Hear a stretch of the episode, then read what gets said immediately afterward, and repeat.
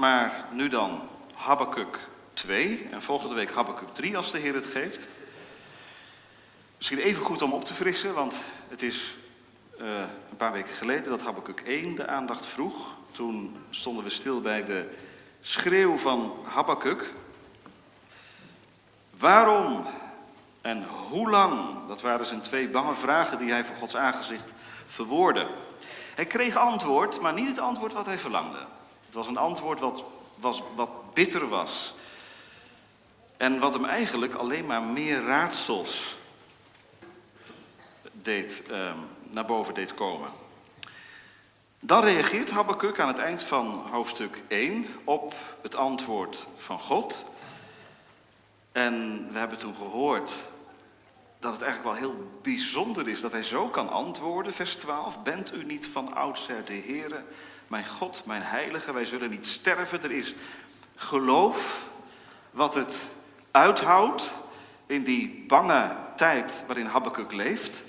Dat heb ik als een spiegel hè, naar elkaar voorgehouden. Hoe, hoe staat het daarmee bij ons? Is er ook dat, dat geloofsvertrouwen, zelfs al is er heel veel tegen?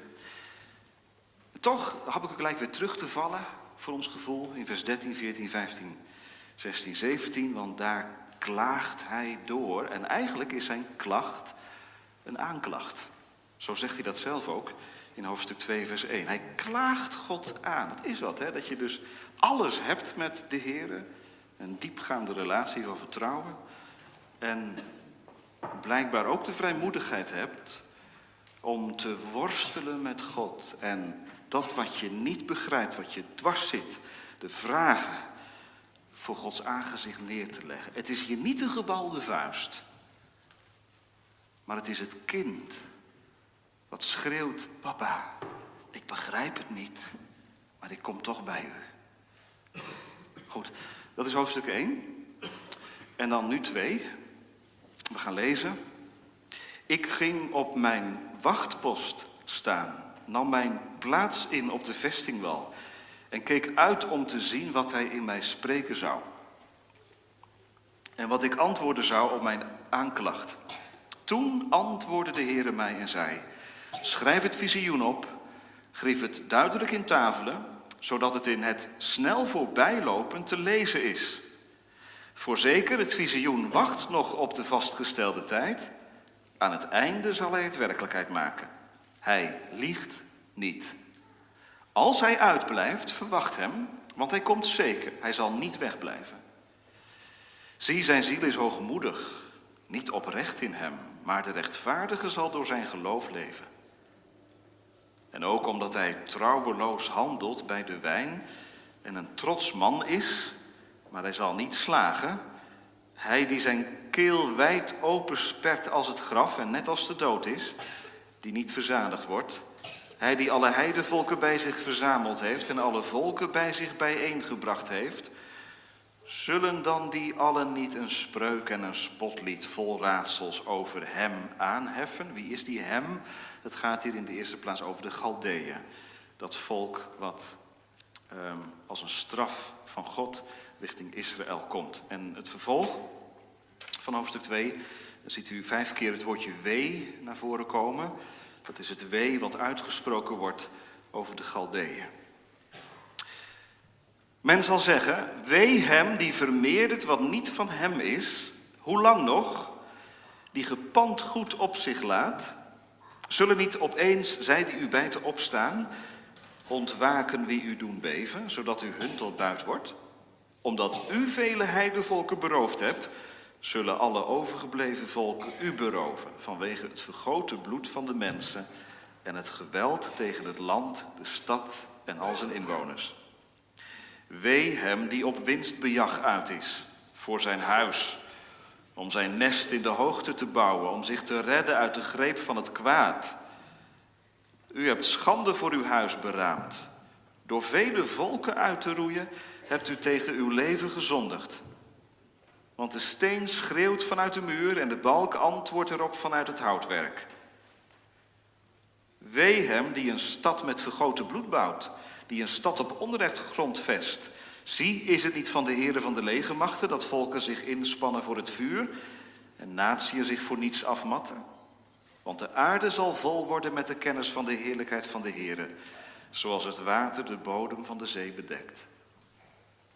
Wee hem die zijn naaste te drinken geeft, u die uw vergif daaraan toevoegt en hem ook dronken maakt om uw naaktheid te aanschouwen. U bent eerder met schande verzadigd dan met eer. Drink ook zelf en laat u vooruit zien. De beker in de rechterhand van de Heere zal op u overgaan. Schandelijk braaksel over uw eer. Want het geweld tegen de Libanon zal u bedekken en de verwoesting onder de dieren zal ontsteltenis teweeg brengen. Vanwege het vergoten bloed van de mensen en het geweld aan het land, de stad en al zijn inwoners. Wat is het nut van een gesneden beeld? Wanneer zijn maker het gesneden heeft? Of van een gegoten beeld dat leugens onderwijst? Wanneer de maker op zijn maaksel vertrouwt, terwijl het stomme afgoden zijn die hij maakt? Wee hem die tegen het stuk hout zegt, word wakker en ontwaak tegen een zwijgende steen. Zouden zij iemand kunnen onderwijzen? Zie, het is met goud en zilver overtrokken, maar er zit volstrekt geen levensgeest in hem. Maar de Heere is in zijn heilige tempel. Wees stil voor zijn aangezicht, heel de aarde. De beelden buiten over elkaar heen. Het is een, uh, een vol hoofdstuk. De focus ligt vanmorgen bij vers 4. Vers 4. Daar worden twee manieren van leven tegenover elkaar gezet. De manier van leven van de hoogmoedige en van de rechtvaardige. Zie, zijn ziel is hoogmoedig, niet oprecht in hem, maar de rechtvaardige zal door zijn geloof leven. En die laatste woorden die zijn natuurlijk overbekend geworden.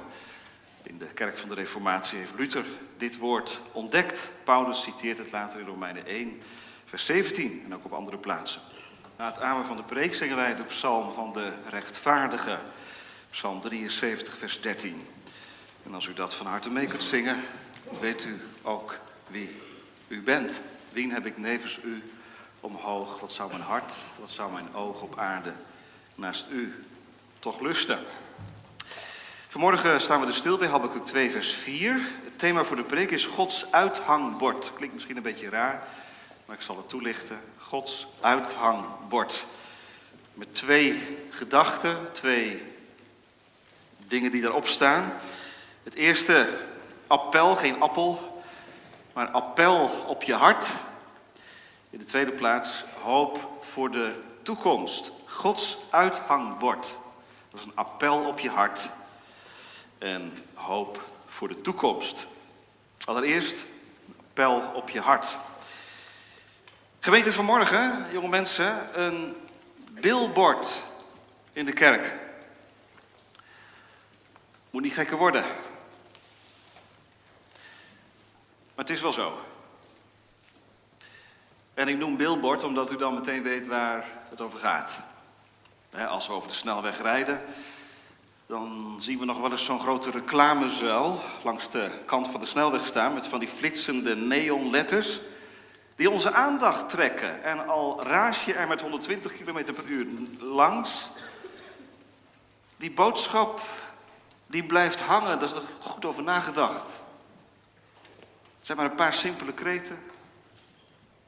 En de bedoeling is dat je het ziet, dat je erover doordenkt, dat het je raakt.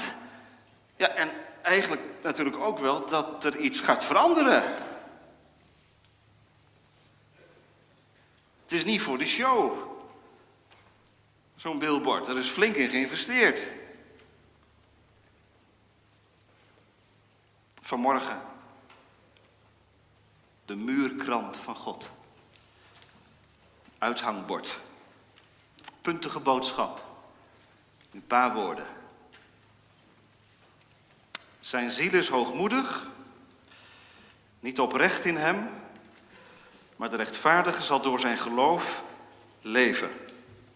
Habakkuk moet dat opschrijven. Ja, natuurlijk niet op zo'n reclamecel zoals wij die tegenwoordig kennen, maar lezen wij op tafelen, vers 2. Hou je Bijbel erbij, dan zie je waar ik ben. Schrijf het visioen op, grif het duidelijk in tafelen, zo ging dat in die tijd, grote kleitabletten. waar Habakkuk als profeet de boodschap van Gods wegen moet inkrassen. En hij moet dat op zo'n manier doen dat iedereen het kan lezen. Ja, wacht even. Het moet er zelfs zo duidelijk op staan dat al loop je er snel voorbij, dat het toch blijft hangen. Kijk maar. Schrijf het op, grif het duidelijk in tafelen, zodat het in snel voorbijlopen te lezen is. Al raas je er langs heen. Al zit er haast in je lijf. Al heb je een totaal andere bedoeling dan naar dat bord te gaan kijken, je ontkomt er niet aan. Je leest het, je ziet het. Dit is het antwoord van God op de aanklacht van Habakkuk. Ik zei daar iets over bij de schriftlezing. De aanklacht van Habakkuk vinden wij in Habakkuk 1, het slot.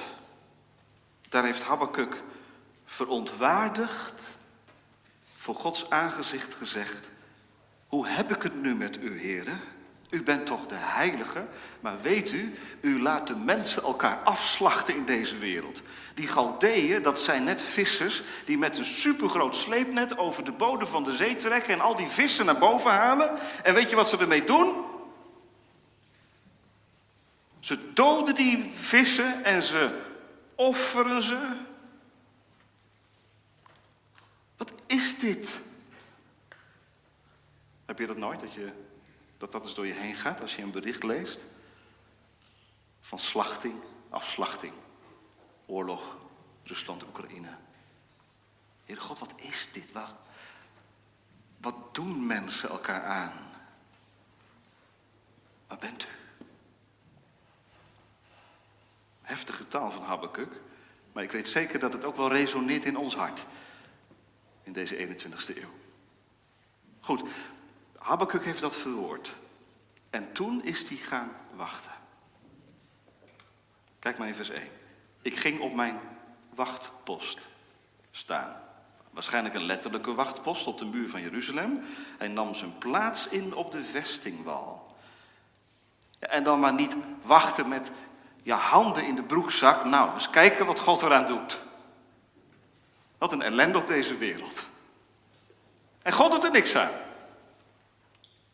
Dat is het ongeloof. Maar Habakkuk verwoordde toch gelovig zijn aanklacht. En daarom kijkt hij uit naar het antwoord. We lezen het in vers 1. Hij keek uit om te zien wat God in hem spreken zou.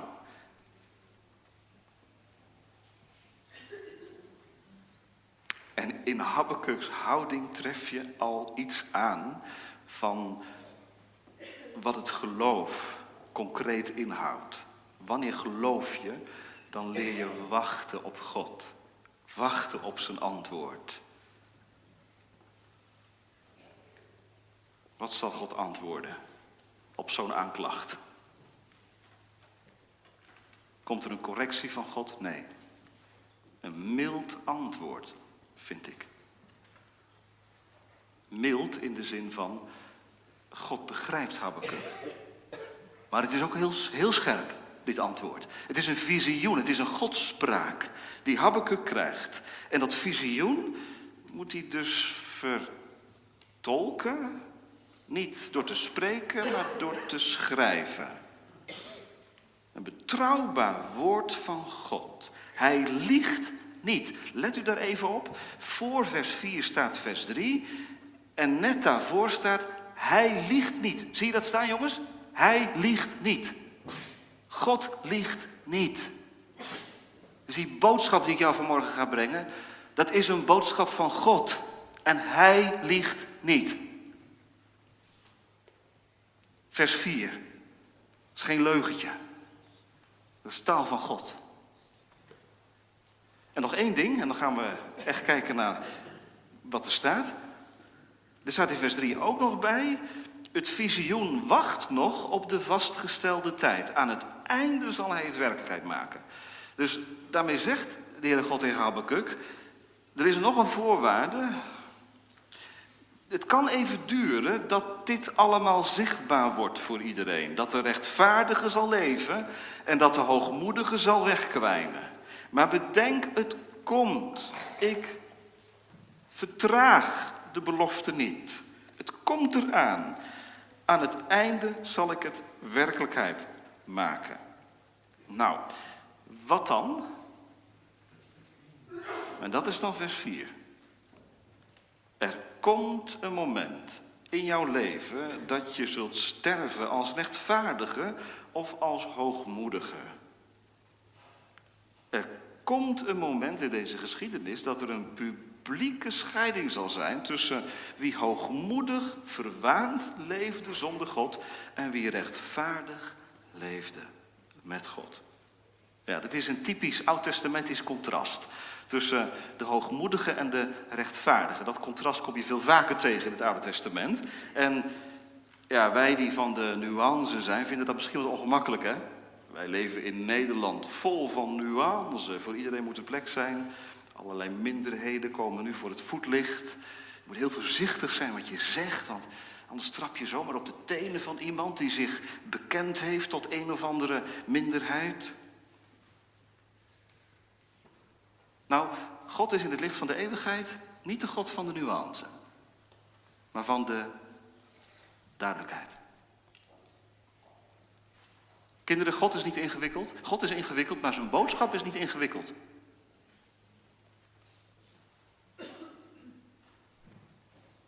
Zeer diep zijn zijn gedachten. Sommigen hebben Psalm 147. Maar zijn boodschap is klip en klaar. En natuurlijk, het is een boodschap die in die tijd van Habakkuk op dat billboard heeft gestaan. Maar het is een boodschap die tegelijk vandaag aan ons hart gelegd wordt. Zeg de rechtvaardige dat het hem goed zal gaan. En de goddeloze dat het hem kwalijk zal gaan. De hoogmoedige, vers 4, staat synoniem voor de mens die het zelf wil doen. En wie wil dat nou niet, hè? want zo worden we geboren, zo komen we ter wereld. We willen het zelf doen, het leven in de hand houden.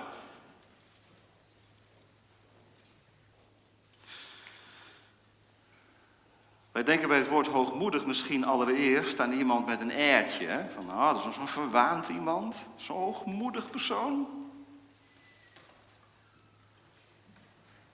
Maar het gaat hier over de binnenkant van iemands leven. Je kunt ontzettend bescheiden overkomen en vervelend hoogmoedig zijn. Iemand kan jou heel erg beschaafd vinden, maar van binnen ben je vreselijk hoogmoedig.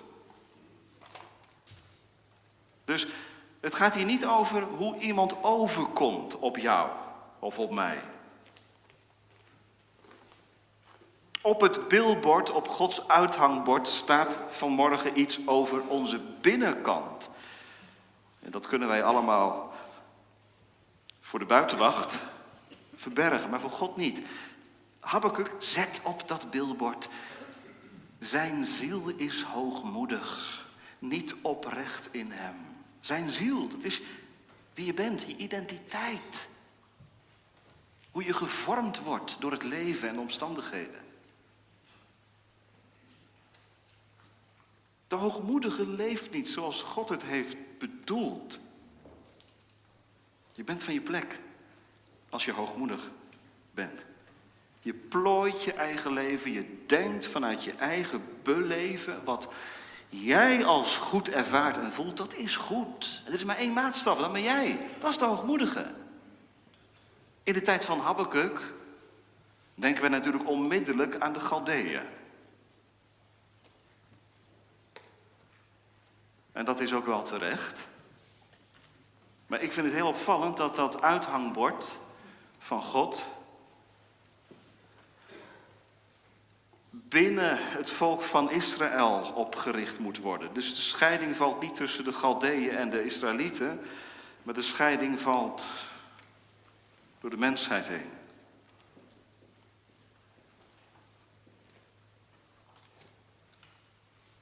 En als u wil weten hoe zo'n hoogmoedig leven eruit ziet, en dat moeten wij weten vanmorgen, want we moeten leren spiegelen in de kerk.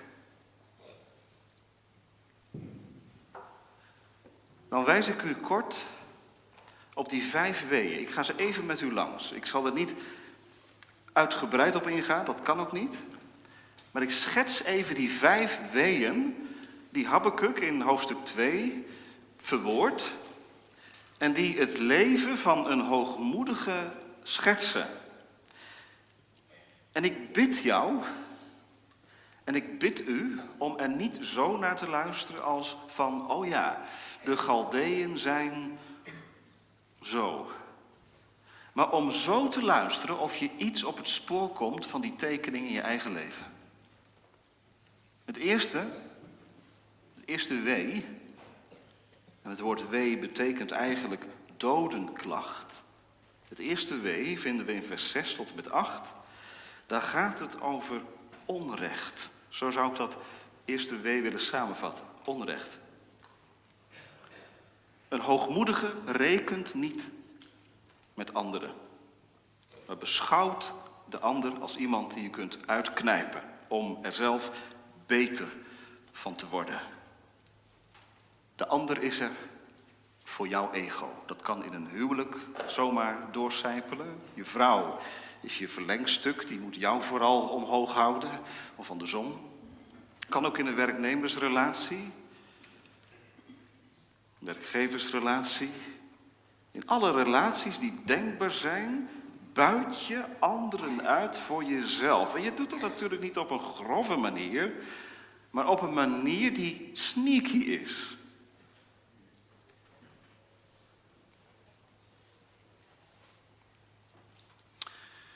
Het tweede wee, dat is het wee van de geldzucht. In een hoogmoedig leven waarin jij het eind van alle tegenspraak bent, draait het om vermogen. Dat moet uitgebreid worden. En dat je daarvoor manieren gebruikt die het daglicht niet kunnen verdragen, geen haan die er naar kraait, want je hebt inmiddels zoveel ervaring opgebouwd dat anderen daar niet achter komen. Alles is bedoeld om jezelf te verrijken. Je geeft ruim baan aan de drang van je hart om het vooral zelf heel goed te hebben in deze wereld. Want het gaat om jou. Dat jij je goed voelt. Want jij het goed hebt. Derde wee, vers 12 tot met 14, dat is het wee van de onmenselijkheid. Wee hem die een stad met vergoten bloed bouwt, die een stad op onrecht grondvest. Waar gaat het over? Over het opbouwen van je eigen koninkrijk ten koste van anderen. Deze week was het slavernij een eh, hot item in de media. De koning heeft excuses aangeboden voor ons slavernijverleden. Maar dit kwaad van slavernij zit in de structuren van de samenleving, ook vandaag. Worden mensen afgeperst, onder dwang, worden vuile knussen opgeknapt. En dat alles voor jezelf. Het vierde wee. Misschien komt dat wel heel dichtbij. Ik noem dat het wee van de mateloosheid. Vers 15 en 16. Het gaat er over drank. En het gaat er over seks. Kijk maar. Wee hem die zijn naaste te drinken geeft. U die uw vergif daaraan toevoegt en hem ook dronken maakt om hun naaktheid te aanschouwen. Drank en seks als twee verdovende middelen. Toen en nu. Waardoor je je leven een beetje glans probeert te geven. Een vervelend gevoel probeert te verdringen. Hoeveel mannen vanmorgen? Hoeveel vrouwen? Grijpen naar deze middelen. Wij zien dat niet van elkaar, hè? Het gaat over je ziel. Het gaat vanmorgen niet over hoe je in de kerk komt. We zien er allemaal even prachtig uit. Schitterend. Het gaat over mijn binnenkant. Zie je het billboard? Zijn ziel is hoogmoedig, trots, niet oprecht in hem. Je verdringt de gedachte aan God. Je verdrinkt de gedachte aan God. Je benevelt je geest. En met je vrienden is het zo makkelijk. Zit die dominee nou te vitten op een paar jonge mensen of ouderen? Lekker makkelijk hè, als dominee.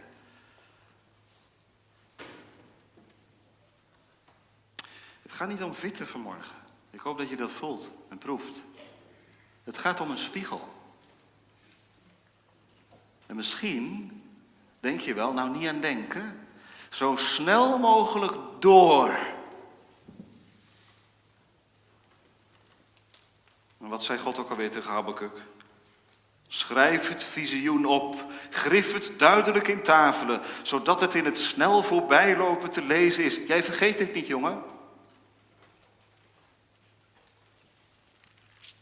U vergeet het niet.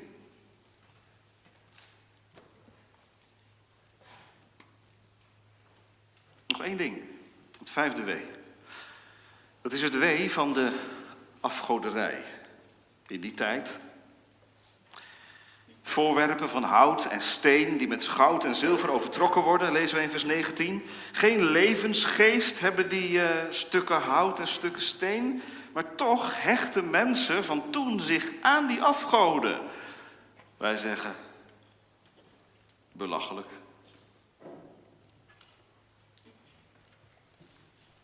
En ik zeg, nee, niet belachelijk. Zo zitten we in elkaar. De hoogmoedige, ik zonder God, hecht mij aan dat wat zichtbaar en tastbaar is. Dat is het.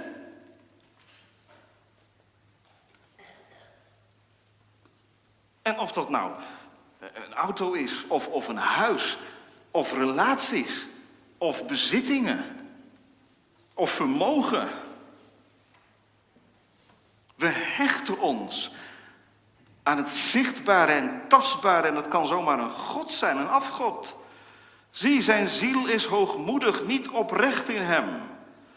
Onze eigen innerlijke onzekerheid overschreeuwen we door vast te houden aan dat wat ons veiligheid biedt.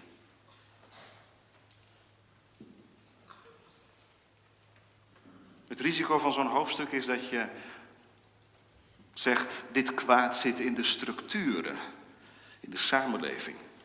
Maar God maakt het dus heel persoonlijk met dat billboard. Hij zegt, nee, zijn ziel, onze ziel, jouw ziel, mijn ziel is hoogmoedig, niet oprecht in hem. Dat is het antwoord van God aan Habakkuk. Habakkuk, je krijgt geen kant-en-klaar antwoord op je aanklacht. Maar ik ga jou vertellen hoe ik naar de mensen kijk. Want jij hebt maar een benedenperspectief. Jij kijkt om je heen en je zegt, waar eindigt dit? Dit kan toch niet? En ik zeg hetzelfde met Habakkuk. Maar God zegt, ik kijk van boven. En ik zie de wereld als een krioelende mierenhoop. En het kwaad zit natuurlijk ook in structuren en systemen, zeker wel. Maar het zit hem vooral in ons hart. Het zit in mij. Je kunt je vanmorgen afvragen, waarom, waarom doet God dit vanmorgen? Waarom moet ik deze boodschap horen? Ja, Habakkuk is aan de beurt.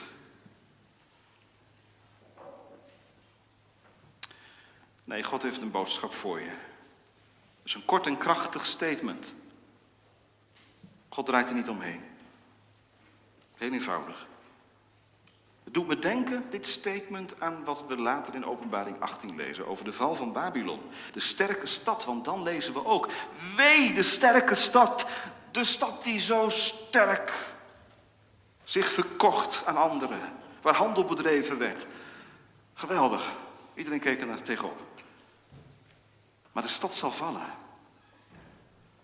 En wat dan te doen? Gemeente, wat hiermee te doen? Wat met dit statement te doen van Gods wegen?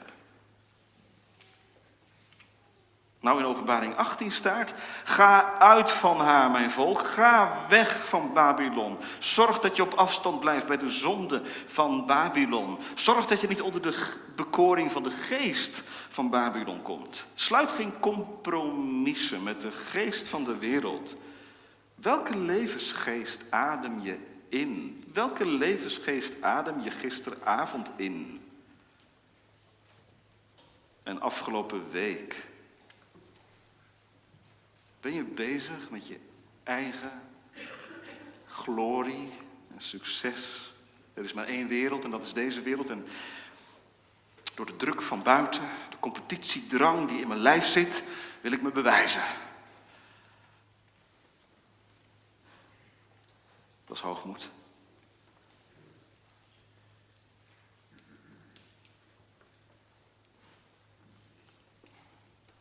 En die hoogmoed heeft een, kan een nederig masker hebben, dat weten we.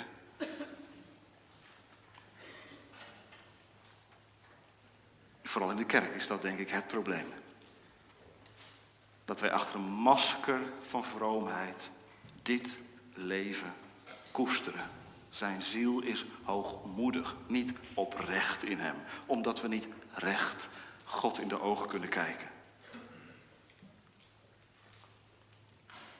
Gemeente, de hoogmoedige mens moet het bekopen met de eeuwige dood.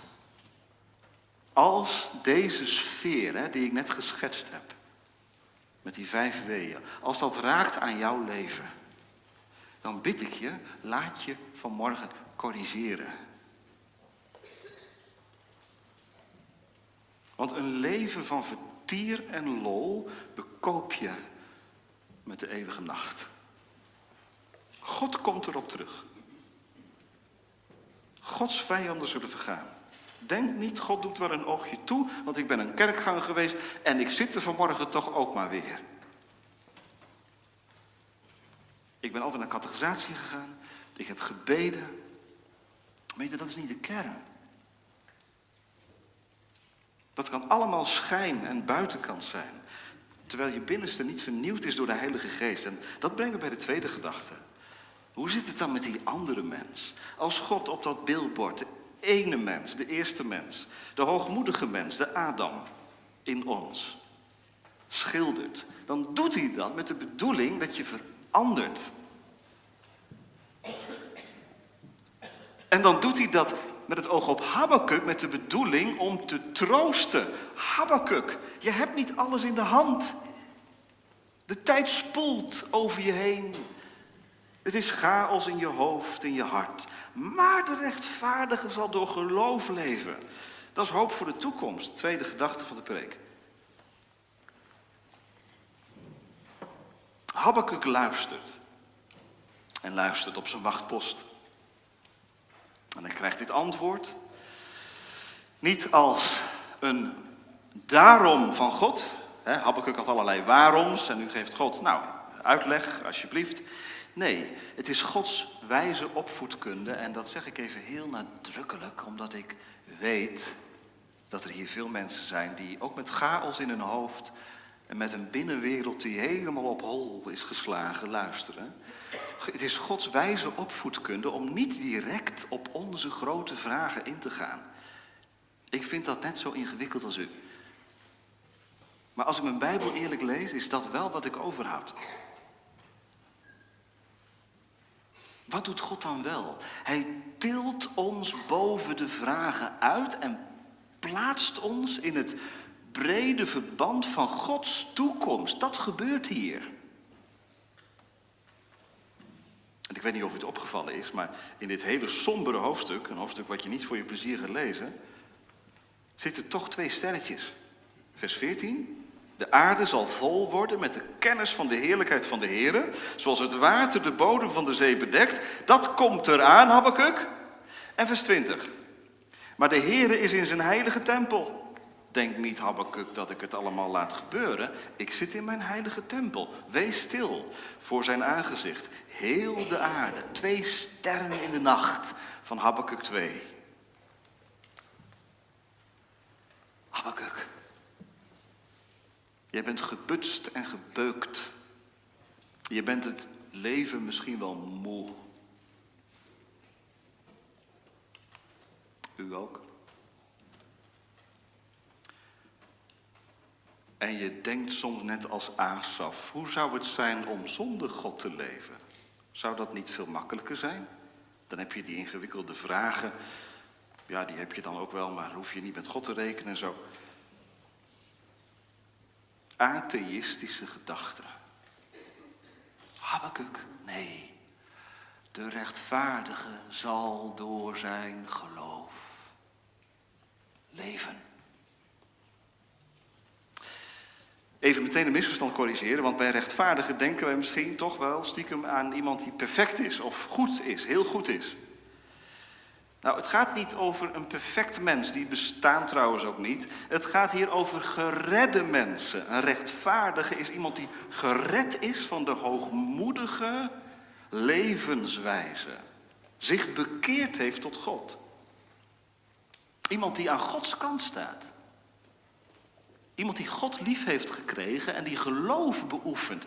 Dat is het verschil tussen hoogmoedigen en rechtvaardigen. Hoogmoedigen zijn opgeblazen. Wanen zich heel wat, maar het is een ballon, kinderen, die je lek prikt. Pats, de lucht knalt eruit. Maar de rechtvaardige leeft door het geloof. Het zijn woorden die bekend zijn geworden, natuurlijk door Paulus en uh, veel later nog door Luther. Laat ik verder rusten vanmorgen. We zijn met Habakkuk bezig. Maar God zegt middels dit billboard, middels dit uithangbord, en tegen Habakkuk en tegen ieder die het leest. Al heb je er geen zin in en dan denk je, ik raas door. Ja, wacht even. Onthoud, de rechtvaardige alleen zal leven door zijn geloof. Op het bord van Habakkuk staat een heel mooi woord in het Hebreeuws, waar ons woord amen van is afgeleid.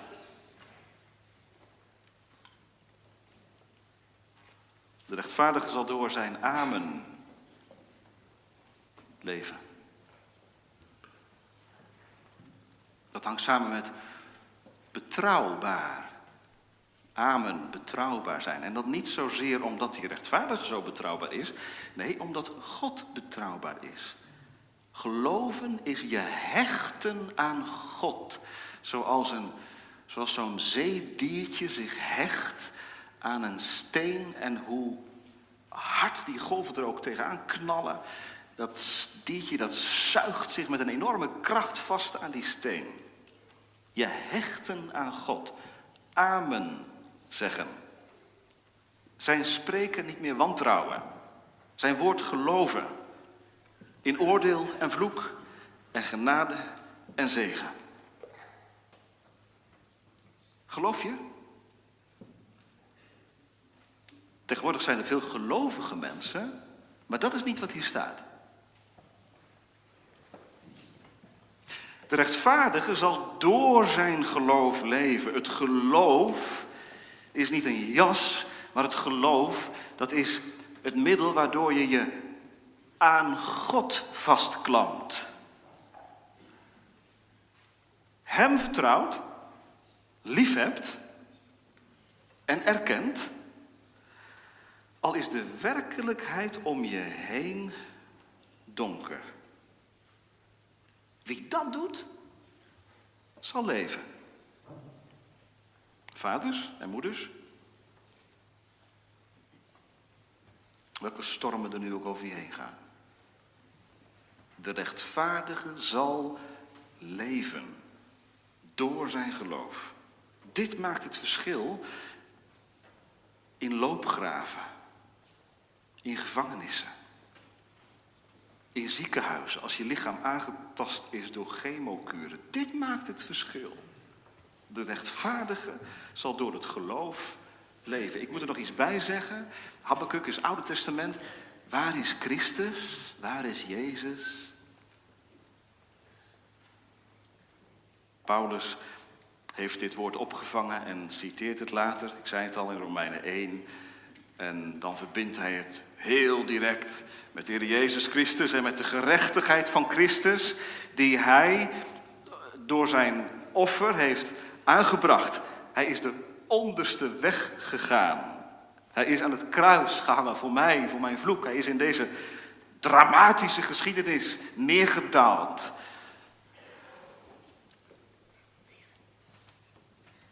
En hij heeft mijn schuld, mijn tekort, mijn zonde op zich genomen. De rechtvaardige zal door zijn geloof in Christus leven. Vertrouwen op God is altijd geconcentreerd op Jezus Christus. Hij is de rotsteen van je hart. Dat werk staat vast. En daarom redt Hij mij, draagt Hij mij, troost Hij mij. Er is in het leven van mij zoveel aan de hand. Ik word overspoeld en geconfronteerd met problemen, zus en zo. Ik weet me geen weg meer in mijn vragen. Hoe hou ik het vol? Als mijn lichaam pijn doet?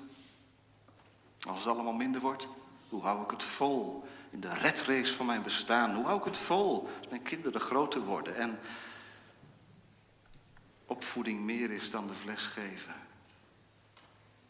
Hoe hou ik het vol als ik links en rechts collega's van mij een vlammend bestaan zie leiden? Ze kennen Jezus niet, maar ze glimmen, ze schitteren. Het gaat ze goed, denk je. Hoe hou ik het vol? Terwijl die gedachte vanmorgen in mijn hoofd resoneert, wat doe ik hier eigenlijk in de kerk? Ben ik gek of zo? 90% van mijn leeftijdsgenoten slaapt lekker uit. En ik zit hier. De rechtvaardige zal door zijn geloof leven.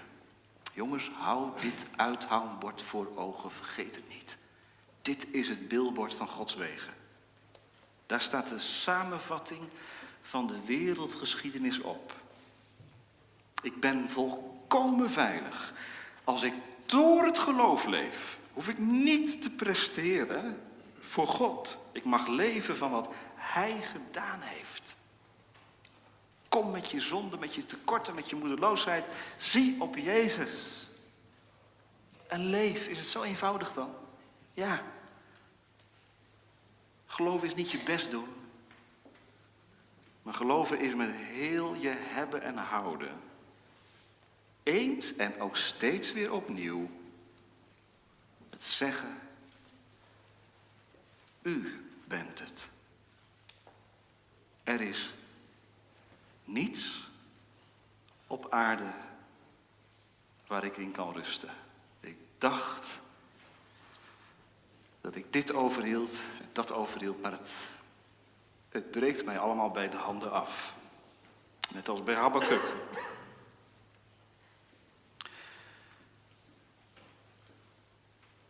Maar bezwijk dan ooit in bittere smart.